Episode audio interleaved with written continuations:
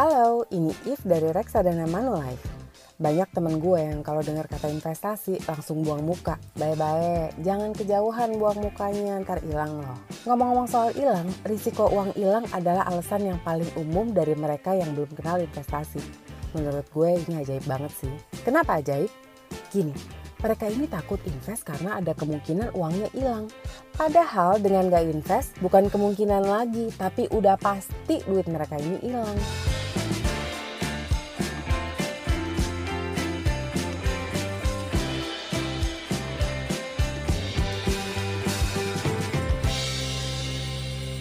Mungkin bukan jumlahnya sih yang hilang tapi daya belinya. Gue udah sering banget sharing soal inflasi kan ya, atau kenaikan harga-harga barang kebutuhan hidup. Tapi nggak apa-apa, ulang ya. Kalau inflasi Indonesia 10 tahun terakhir rata-rata per tahunnya 4,7 persen, sementara saking takutnya invest, teman-teman gue ini cuma naruh duitnya di tabungan biasa yang bunganya boro-boro 1 persen. Maka setahun lagi mereka ini dipastikan lebih miskin dari hari ini, ya nggak? Ya tabungannya cuma nambah sepersen, kurang pajak itu juga. Sementara biaya hidup naiknya di atas 4%, berarti pasti dong duitnya ngilang. Nah itu maksud gue. Sementara investasi di pasar modal seperti reksadana misalnya, memang punya risiko naik turun dalam jangka pendek, tapi lihat jangka panjangnya deh. Secara historis, instrumen-instrumen pasar modal telah membuktikan diri punya potensi tumbuh yang jauh ngalahin inflasi ada temen gue yang beda lagi. Kalau yang ini alasannya, abis inflasi gak dijamin sih. Hmm, emangnya kata siapa hidup kita dijamin cuy? Sejam lagi hujan atau kering pun kita nggak tahu kan ya.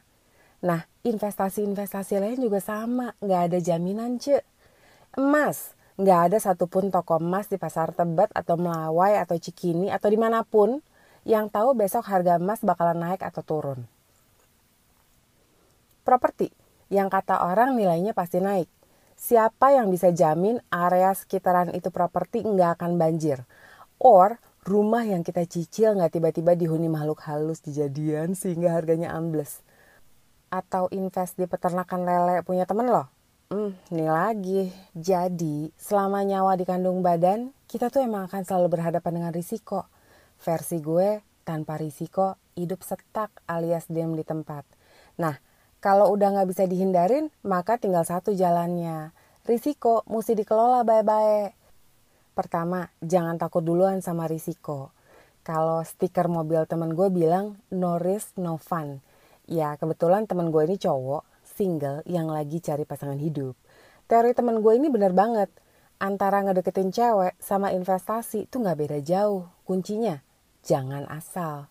Cari tahu dulu, ukur probabilitanya secara historis. Minimal lihatlah jarinya udah ada cincin kawin atau belum. Tanya temennya, jangan sampai nih cewek hobinya nabokin orang atau lebih parah lagi deh psycho. Investasi juga gitu. Lihat data-data historisnya. Pernah naik tinggi sampai berapa jauh, pernah jatuh seberapa dalam. Terus cocokin deh sama tujuan investasi kita. Ingat-ingat teori kuncian investasi, high risk, high return alias semakin edan gerakan naik turun suatu alternatif investasi, semakin tinggi juga potensi labanya.